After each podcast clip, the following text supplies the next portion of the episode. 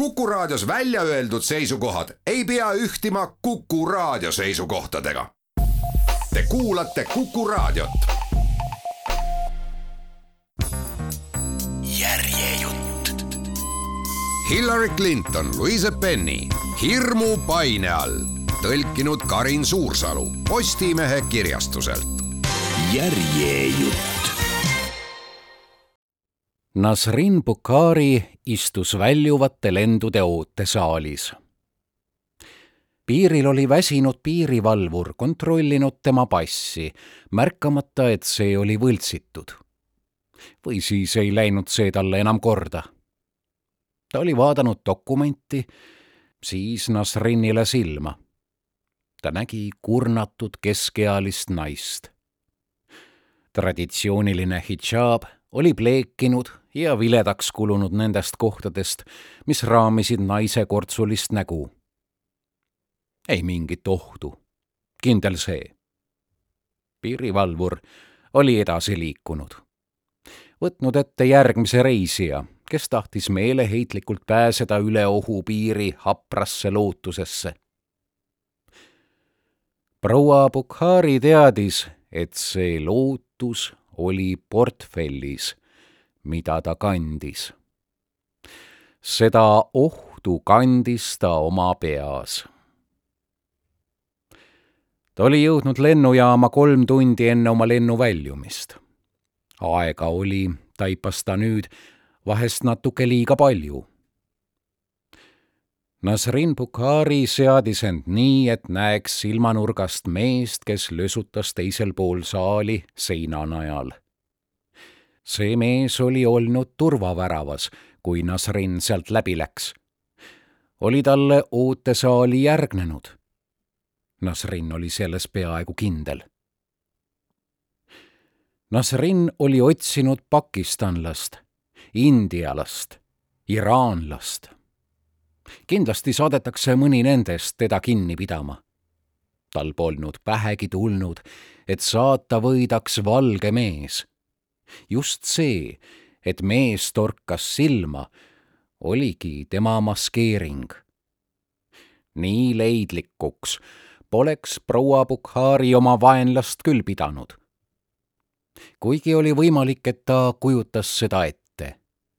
liiga vähe puhkust, liiga vähe süüa, liiga palju hirmu põhjustasid paranoiat Nasrin tundis mõistust minema triivivat.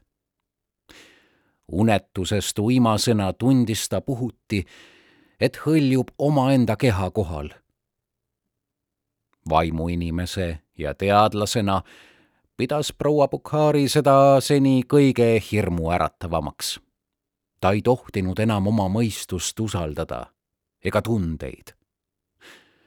ta oli ajuvill ei, mõtles ta, seda mitte. tal oli selge suund, selge siht, peab vaid sinna jõudma. Nasrin Bukhari vaatas vana mõlkis kella räpase ootesaali seinal. jälle. kaks tundi ja viiskümmend kolm minutit Frankfurdi lennuni. ta nägi silmanurgast et mees võtab telefoni välja. jah, küsis Ellen jalamaid sügavast unest ärgates. mis on? Telefonile vastates märkas ta kellaaega. kaks kolmkümmend viis öösel.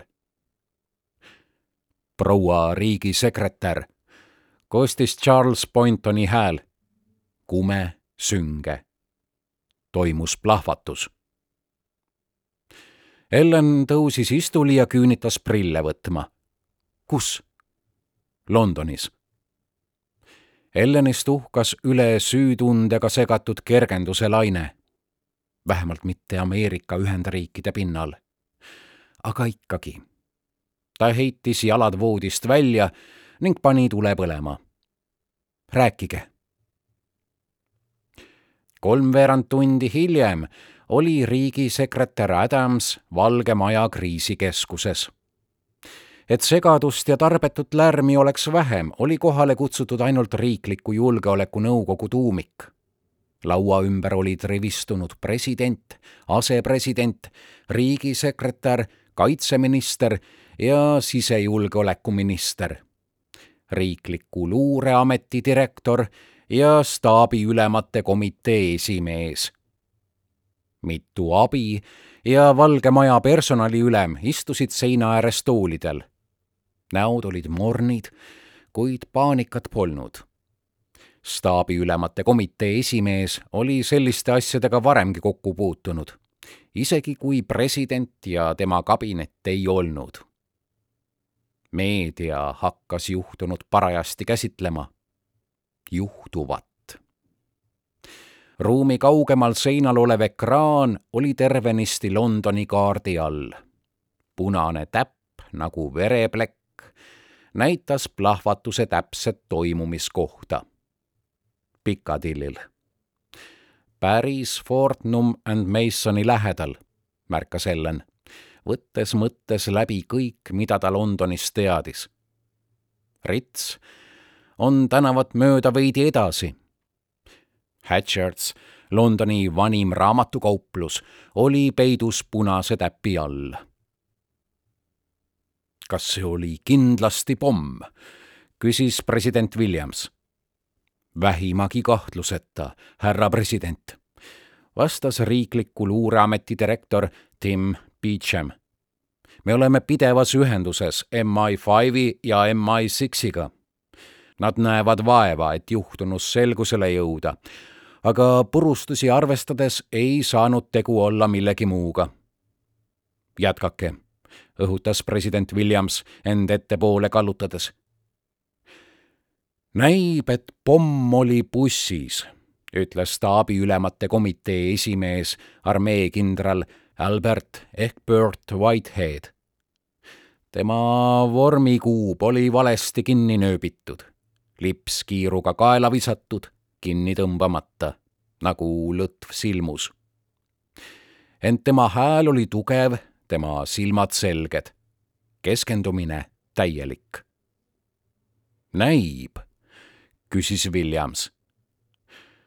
purustused on liiga suured, et seda praegu täpselt öelda tegu võis olla autopommi või veokiga, mis plahvatas just siis, kui buss mööda sõitis kõik kohad on rususid täis, nagu näete. kindral Whitehead toksis oma tippturvatud sülearvutit ja kaardi asemele ilmus foto. see oli saadud satelliidilt. ehkki pildistatud miilide kauguselt kosmosest, oli kujutis ootamatult selge. Nad kõik kummardusid selle poole. kuulsa tänava keskpaigas haigutas kraater. ümberringi vedeles metallikänkraid. sõidukitest kerkis suitsu. sajanditevanused hooned, mis olid üle elanud sakslaste õhurünnaku, olid kadunud. laipu pole, märkas Ellen. küllap rebis plahvatus need, kahtlustas ta liiga pisikesteks kribalateks, et neid oleks kerge vaevaga saanud inimjäänustena tuvastada. mõlemal pool paiknenud hooned olid plahvatustsooni piiranud. kes teab, kui kaugele see muidu oleks ulatunud. armas Jumal, sosistas kaitseminister. mis küll seda tegi härra president, sõnas Barbara Stenhauser. me saime äsja video. presidendi noogutuse peale lülitas ta selle sisse. salvestis oli saadud ühest Londoni kümnetest tuhandetest valvekaameratest. pildi alumises parempoolses nurgas jooksis ajakood. seitse, seitseteist, null neli. millal pomm lõhkes? küsis president Williams seitse, seitseteist ja nelikümmend kolm sekundit Greenwichi aja järgi, söör, vastas kindral Whitehead. Ellen Adams lõi vaadates käe suule. oli tipptunni algus. päike püüdis end hallist märtsi hommikust läbi murda. seitse, seitseteist, kakskümmend. mehed ja naised voolasid mööda kõnniteed.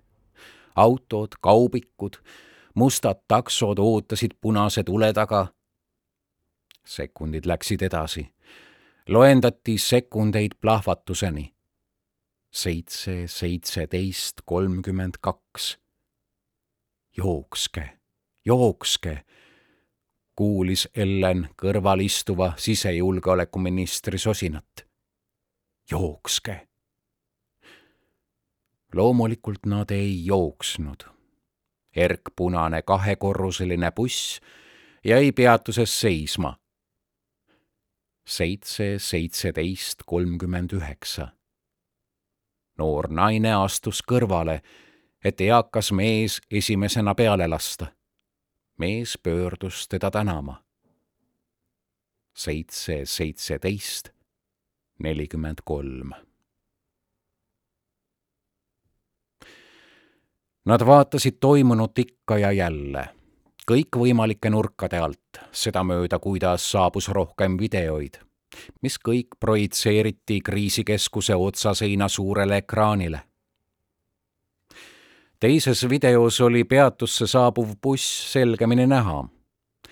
salvestise kaamera vaatenurk võimaldas nägusid eristada, kaasa arvatud selle väikese tüdruku oma, kes istus ülakorruse esimesel istmel, parimal kohal.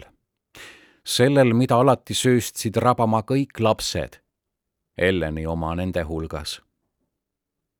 kuidas Ellen ka ei püüdnud, ta ei suutnud tüdrukult silmi pöörata. jookse, jookse. aga loomulikult jäi tüdruk paigale igas videos, ükskõik millise nurga alt filmitus. ja siis oli kadunud. kinnitus, kui see Ühendkuningriigist saabus, oli hüpoteetiline oli selge, et tegu oli olnud pommiga. see oli sokutatud bussi, seatud lõhkema halvimal võimalikul ajal, halvimas võimalikus kohas. Tipptunnil Londoni südalinnas. kas keegi on vastutuse võtnud, küsis president Williams. veel mitte vastas luureameti direktor ikka ja jälle uusi teateid otsides ja läbi vaadates. nüüd lausa tulvas infot. kõige olulisem, nagu nad kõik teadsid, oli seda hallata, mitte sellesse uppuda. Mingeid muid kajastusi pole, päris president Williams ta vaatas pearaputusi pika kiiskava laua ümber ja jäi pidama Ellenil. mitte mingeid, kinnitas too. Williams aga ei pööranud temalt pilku, nagu oleks seegi nurjumine Elleni ja ainult Elleni süü. Pärale jõudis lihtne tõde. ta ei usalda mind, taipas Ellen küllap pidanuks ta seda varem taipama, aga ta oli olnud uude ametisse sisseelamisega nii hõivatud, et polnud sellele mõtlemiseks aega võtnud. oma kõrkuses oli Ellen Adams eeldanud, et Williams oli ta nendevahelisele silmanähtavale vaenulikkusele vaatamata sellepärast riigisekretäriks valinud, et teadis, kui hästi Ellen selle tööga hakkama saab aga vähe sellest, et president teda ei sallinud, ta ka umbusaldas teda, nägi Ellen nüüd. miks ta siis oli nimetanud nii mõjuvõimsale ametikohale inimese, keda ei usaldanud? Selles ruumis, sel hetkel sai vastus osaliselt selgeks. sellepärast et president Douglas Williams polnud oodanud rahvusvahelist kriisi nii nende mõlema ametiaja alguses. ta polnud oodanud, et peab Ellenit usaldama. mida ta siis oodanud oli? See kõik sähvatas läbi Elleni mõtete, kuid tal polnud aega seda endamisi arutada. oli palju pakilisemaid ja tähtsamaid muresid. president Williams venitas pilgu tema küljest lahti ja vaatas luureameti direktori poole. kas see pole mitte ebatavaline, küsis ta. see, et juhtunust pole midagi kuulda. mitte tingimata, kostis Tim Beecham. juhul, kui see on üksikjuhtum, üksildane hunt, kes pani plahvatama iseenda koos pommiga. sellegipoolest sõnas Ellen, lastes silmadel üle laua ääres istujate käia. tahavad need inimesed ju tavaliselt, et maailm teada saaks. kas nad mitte ei pane sotsiaalmeediasse üles teadaandeid, videoid? Üks põhjus, miks pole keegi, alustas kindral Whitehead, kuid presidendi personaliülem katkestas teda. Sir, liinil on Briti peaminister teatas Barb Stenhauser. nagu kõik teised, nii oli ka Barbara kiiruga midagi selga tõmmanud. Polnud jumestust, mis oleks maskeerinud tema tõsist ilmet. Ehkki seda poleks varjanud ka ükskõik kui paks meigikiht veresauna asemel ilmus ekraanile peaminister Bellingtoni karm nägu. juuksed sassis nagu ikka härra peaminister, Ameerika rahvas, alustas Douglas Williams. ja jah, ükskõik, te tahate teada, mis juhtus. Mina samuti. ausalt öeldes pole mul teile midagi öelda. ta vaatas kaamerast eemale, kus, nagu nad võisid vaid oletada, olid MI5-i ja MI6-i esindajad. Briti luure kas oli kindel sihtmärk, küsis Williams. ei oska veel öelda. meil õnnestus alles äsja kinnitust saada, et pomm oli bussis. Meil pole veel aimugi, kes viibisid bussis või selle lähedal. sõitjad ja jalakäijad kisti plahvatuses tükkideks, võin saata video. Pole vaja, vastas Williams. me oleme seda näinud Bellington kergitas kulme. jäi selgusetuks, kas see avaldas talle muljet või valmistas nördimust. ent ta tegi kiiresti otsuse see sinna paika jätta. peaminister, kel jooksis esimese ametiaja kolmas aasta, oli oma partei paremtiiva ja konservatiivsete valijate seas ääretult populaarne sest ta oli lubanud riiklikku julgeolekut ja sõltumatust teistest riikidest. tema tagasivalimiskampaaniale see pommiplahvatus küll kasuks ei tule. kindla tuvastamisega läheb palju aega, ütles Bellington. me töötame videod näotuvastusprogrammiga läbi, ehk tuvastab see kellegi, võimaliku terroristi või sihtmärgi igasugune teie pakutav abi on teretulnud. kas sihtmärgiks võis olla hoone, mitte inimene? Umbes nagu üheteistkümnenda septembri rünnakute korral, küsis luureameti direktor. võis, möönis peaminister. ent Londonis on tõenäolisemaidki sihtmärke kui Fort Num and Mason kuigi on võimalik, et keegi pani pahaks, et pärastlõunatee eest tuleb välja käia sada naela, ütles kaitseminister, vaadates heakskiitvaid naeratusi otsides ringi. Neid polnud. seal on ju ka Kuninglik Kunstiakadeemia, nentis Ellen. kunst, proua välisminister, küsis peaminister Bellington tema poole pöördudes Te arvate, et selline veresaun korraldati mõne näituse rikkumiseks? Ellen püüdis üleoleva tooni peale mitte turri minna, tunnistades endale, et kõik Briti kõnepruugid kostavad tema ameeriklase kõrvale üleolevad. kui britid rääkisid, kumas tema meelest sellest läbi mõista andmine, te olete Te ju idioot. seda kuulis Ellen nüüdki. ent Bellington oli pinge all ja maandas end tema peal. Ellen jätab selle niisama. praegu tõele au andes oli peaminister Bellington olnud aastaid Elleni meediakanalite lemmiksihtmärk. teda oli kujutatud haledalt saamatuna, võltsi inimesena, ülemklassi juhmardina, kel sisu asemel eesõigused ja juhuslikud ladinakeelsed fraasid. mõni ime siis, et Bellington oli teda niisuguse pilguga vaadanud. tõtt-öelda möönis Ellen, oli ta veel üllatavalt vaos hoitud. mitte ainult kunst, härra peaminister, lausus ta, seal asub ka geoloogia selts.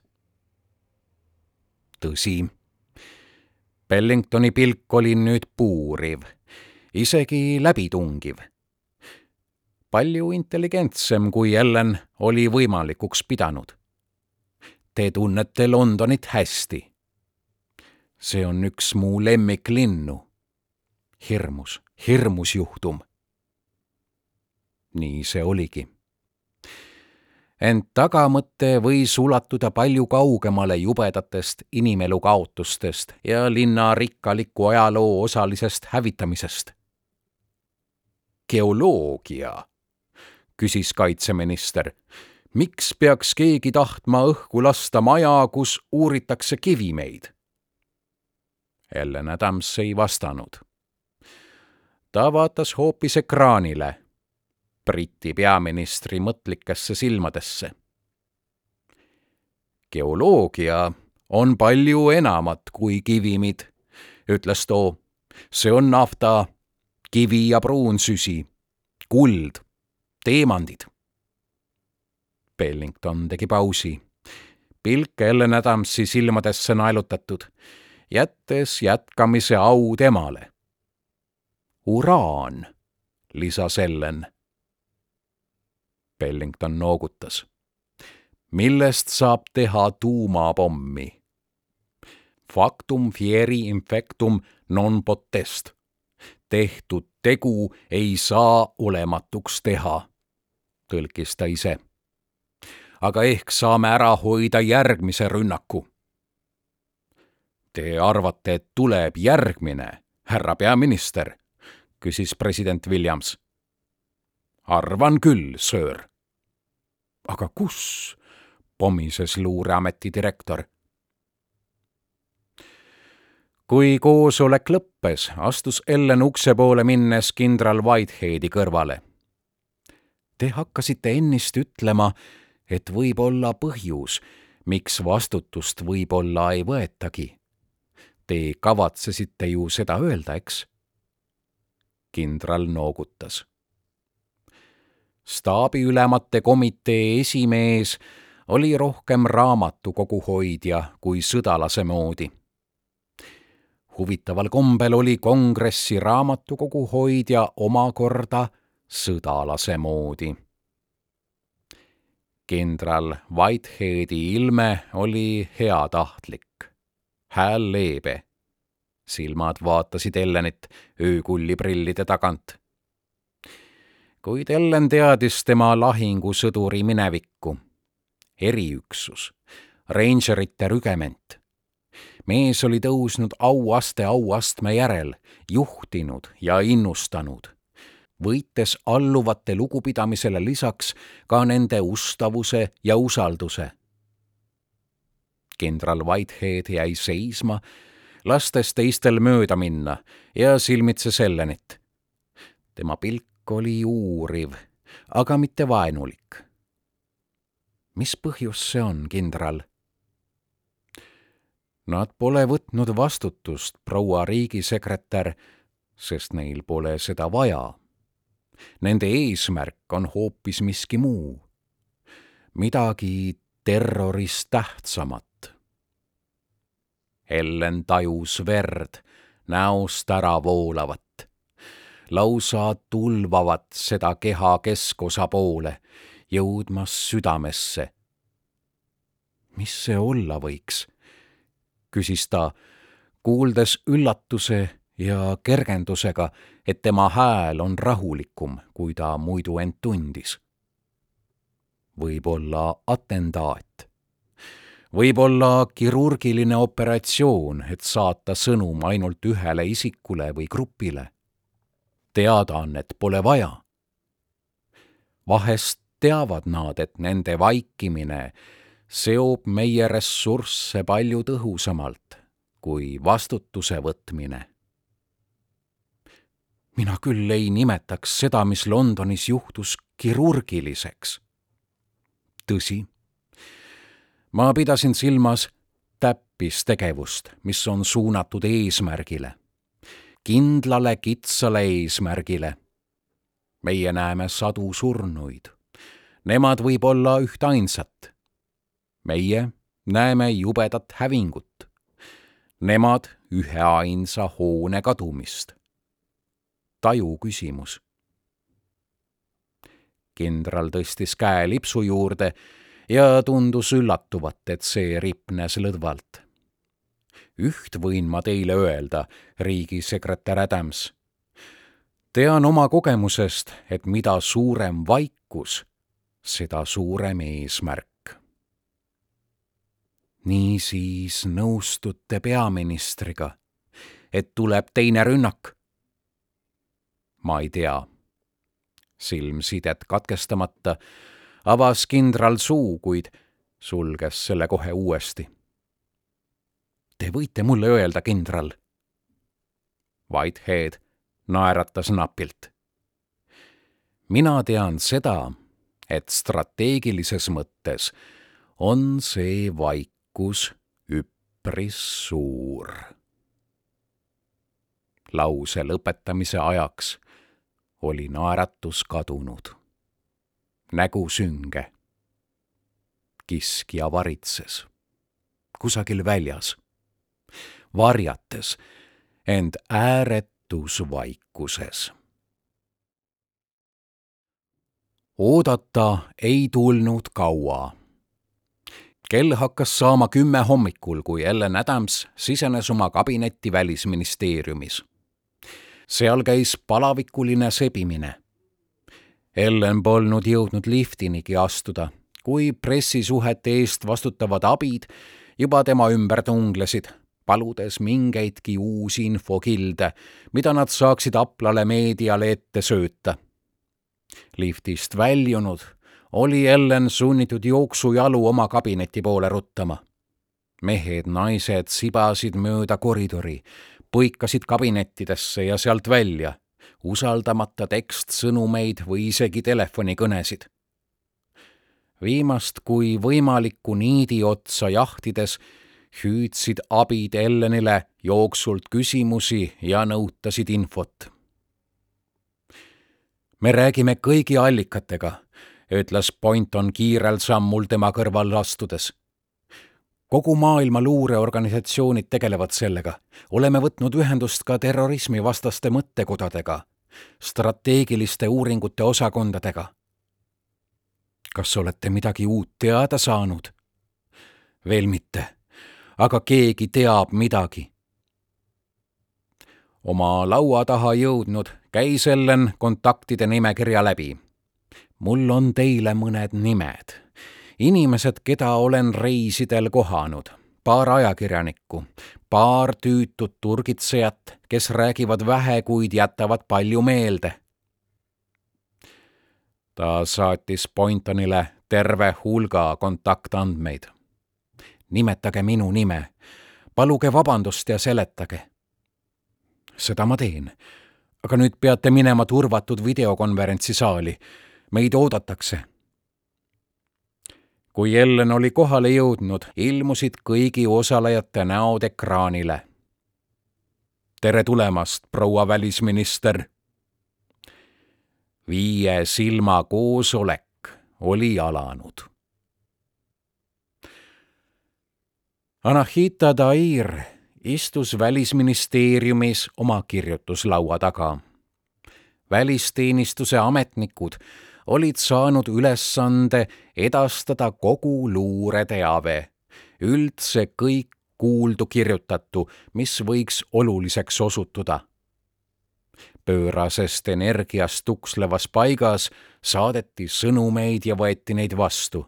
kodeeriti ja dekodeeriti, šifreeriti ja dešifreeriti Anahita vaatas öö jooksul saabunud sõnumeid läbi, jälgides samal ajal ühe silmaga ka teleris nähtavaid uudiseid. üha rohkem tundus sedamoodi, nagu oleks ajakirjanikel parem allikate võrgustik kui CIA-l või NSA-l või Välisministeeriumil. see tuletas Anahitale meelde Killi ning ta tundis kiusatust mehega veel kord ühendust võtta, uurida, kas too teab midagi. samas kahtlustas ta, et see mõte ei tulnud tal ajust, vaid pigem kusagilt alakeha piirkonnast. kuid praegu polnud aeg seda mõtet edasi hellitada Anahital kui Pakistani lauas töötaval välisteenistuse noorem ametnikul puudus juurdepääs kõrgema tasandi sidele. tema kätte jõudsid ainult vähetähtsate informaatorite üksluisemad teated, näiteks kus valitsusministrid lõunatasid, kellega koos ja mida sõid. aga isegi neid sõnumeid pidi tähelepanelikumalt lugema viis silma oli Austraalia Uus-Meremaa, Kanada, Ühendkuningriigi ja Ameerika Ühendriikide luureametite alliansi nimi. Ellen polnud enne välisministriks saamist sellest ingliskeelsete liitlasriikide organisatsioonist kuulnudki.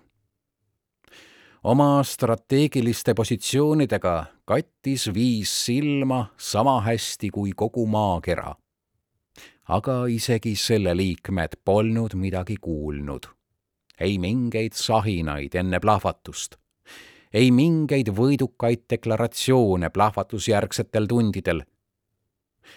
välisminister Adams ühendati videokõneks kõigi liitlaste välisministrite ja luureülematega. viis tippspiooni ja viis välisministrit jagasid kordamööda kiiresti seda, mida nad teadsid, mida nende võrgustik oli üles noppinud. nimelt mitte midagi. mitte midagi, nõudis Ühendkuningriigi välisminister. kuidas see võimalik on? sajad said surma, palju rohkemad vigastada Londoni kesklinn näeb välja nagu pärast sõjaaegset sakslaste pommirünnakut. seda ei teinud mõni ilutulestiku rakett, seda tegi põrgulikult võimas pomm. kuulge, kõrgeauline lord, sõnas Austraalia välisminister viimast sõna tarbetult rõhutades. just nii ongi, et meil pole mitte kui midagi. me oleme läbi vaadanud ka Venemaalt Lähis-Idast, Aasiast tulnud info. otsime edasi, kuid seni valitseb vaikus. suur vaikus, mõtles Ellen kindrali sõnu meenutades. seda pidi tegema hull üksiküritaja, kel on kogemusi ja kes tunneb, et talle on ülekohut tehtud, pakkus Uus-Meremaa välisminister. nõus, ütles CIA direktor kes oli USA silm. kui seda tegi mõni väljastpoolt pärit terroriorganisatsioon nagu Al-Qaeda või ISIS, Al-Shabaab täiendas Uus-Meremaa silm, Pathan lisas Austraalia silm. kas te kavatsete kõik üles lugeda, küsis Ühendkuningriigi välisminister. aeg töötab nimelt meie vastu. põhiline on alustas Austraalia silm. jah, mis on põhiline, nõudis USA välisminister. hea küll, sekkus Kanada silm. aitab, ei maksa üksteise vastu pöörata.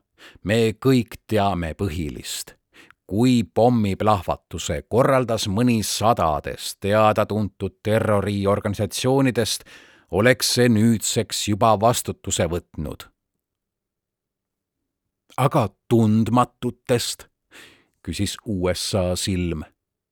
kui oletada, et tekkinud on mõni uus.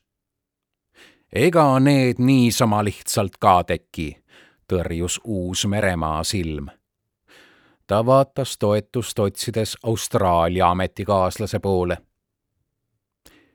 uus, kes sai hakkama sellega, lausus Austraalia silm, ei jääks kuigi kauaks tundmatuks. Nad kuulutaksid seda täie häälega. kas on võimalik, küsis välisminister Adams, et keegi pole vastutust võtnud sellepärast, et neil pole seda vaja kõik silmad pöördusid Adamsi poole, justkui üllatudes, et tühi tool oli rääkima õppinud. Ühendkuningriigi välisminister puhises nördimusest, et Ameerika uus välisminister raiskab nende aega, arvates, et tal on midagi kasulikku öelda. USA silm näis piinlikkust tundvat.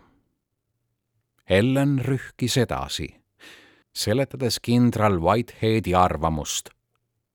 Kuna seda oli väljendanud kindral ja staabiülemate komitee esimees, pidasid kõik seda märksa usutavamaks, kui oleks pidanud Elleni enda arvamust. Ellenil oli ükskõik. tal polnud vaja nende heakskiitu ega lugupidamist. ta vajas ainult tähelepanu proua välisminister, ütles Ühendkuningriigi välisminister. Terroristi ainus eesmärk on terrori levitamine. tummhamba mängimist mängureeglid ette ei näe. jah, tänan teid, sõnas Ellen. äkki on nad Alfred Hitchcocki fännid, pakkus Kanada silm ja jah, mühatas Ühendkuningriigi välisminister või Monty Pythoni. Lähme edasi. Mida te sellega mõtlete?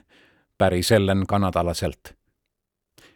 seda, et Hitchcock teadis, et suletud uks on lahtisest palju hirmutavam. tuletage meelde lapsepõlve. vaatasite öösel aineti kapi ust. murdsite pead, mis selle taga tegelikult on me täitsime teadmatuse väljamõeldistega. Ega mõelnud peaaegu kunagi, et seal võiks olla hea haldjas, kutsikas kaenlas ja pudinguports käes. Kanada silm tegi pausi ja vaatas Ellenile silma, nagu tollele tundus. Need, kellel on tõeliselt katastroofilised plaanid, ei lase meil mingi hinna eest ust lahti teha. See avaneb siis, kui nemad on valmis seda avama. kindralil on õigus, proua välisminister.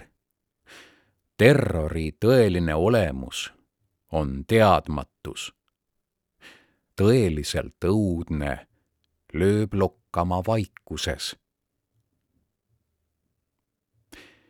Ellen jäi väga liikumatuks väga vaikseks. Siis vaikus purustati. Ellen võpatas, sest nende kõigi krüptitud telefonid hakkasid ühekorraga helisema. Ühendkuningriigi ekraanil ütles abivälisministrile midagi kõrva. armas jumal, sosistas too ja pöördus põrutatult ekraani poole. samal hetkel, kui Pointon kummardus Ellen Adamsi kohale. Proua riigisekretär, Pariisis toimus plahvatus.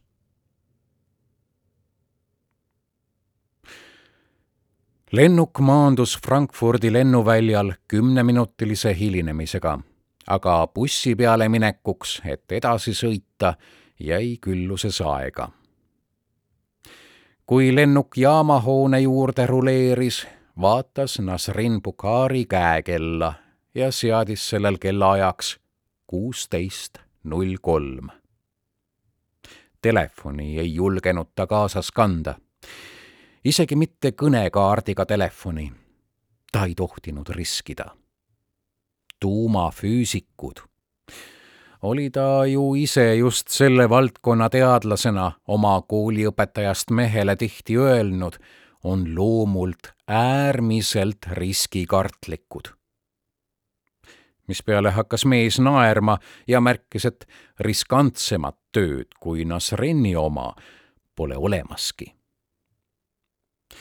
see, mida Nasrin nüüd tegi, viis ta harjunud mugavusmullist nii kaugele, et ta oleks sama hästi võinud olla võõral planeedil või Frankfurdis. sedamööda, kuidas kaasreisijad oma telefonid sisse lülitasid, hakkas ümberringi kostma pominat, siis oigeid, siis karjeid. midagi oli juhtunud sööndamata kedagi kõnetada, ootas proua Bukhari jaamahoonesse jõudmiseni.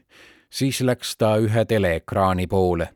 selle ette oli kogunenud suur inimsumm ja tema oli ekraanist liiga kaugel, et kuulda, mida räägitakse, isegi kui ta oleks keelest aru saanud. See-eest nägi ta kujutisi ja luges liikuvat tekstirida ekraani all servas London, Pariis. peaaegu apokalüptilise hävingu stseenid. Nasrin vahtis ekraani üksi silmi, justkui halvatu, soovides, et Amir seisaks tema kõrval. mitte, et talle öelda, mida teha, vaid et ta käsi tema pihku pista. et mitte üksi olla. Nasrin teadis, et see oli kokkusattumus.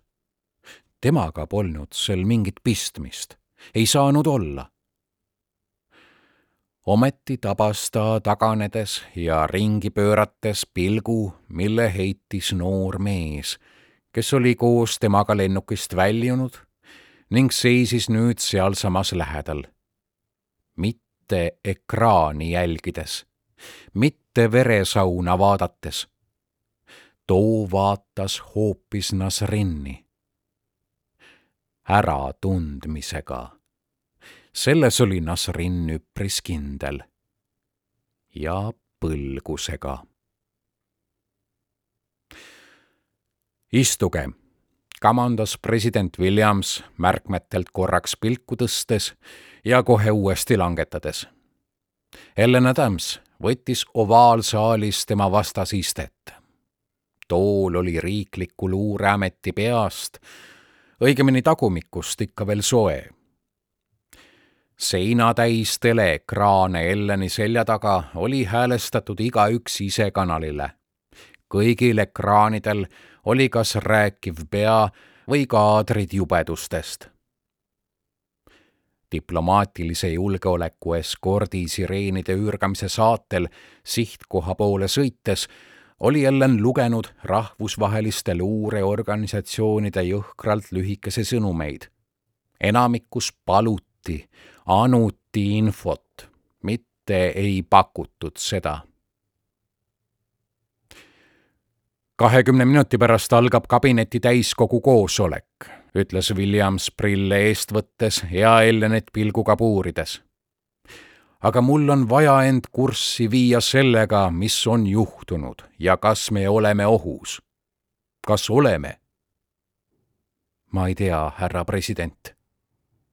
Williamsi suu tõmbus kriipsuks ja tema pikk hingetõmme oli isegi üle resoluuti laua kuulda.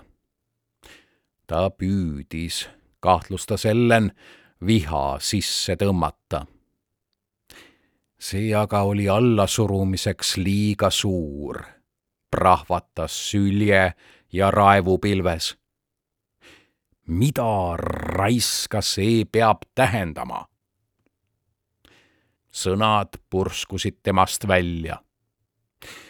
Ellen oli neid palju kordi kuulnud, aga veel kordagi polnud neid niisuguse jõuga tema poole paisatud.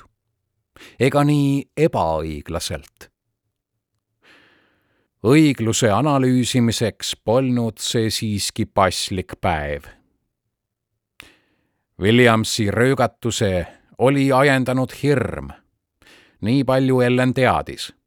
Olgugi, et ta pidi end vaevaga tagasi hoidma, et mitte näolt pritsmeid pühkida. ka Ellen kartis. aga Williamsi hirmu võimendas veendumus et kui ta pole ettevaatlik, pole piisavalt kiire ja piisavalt tark, tulevad järgmised pildid New Yorgist või Washingtonist, Chicagost või Los Angelesest.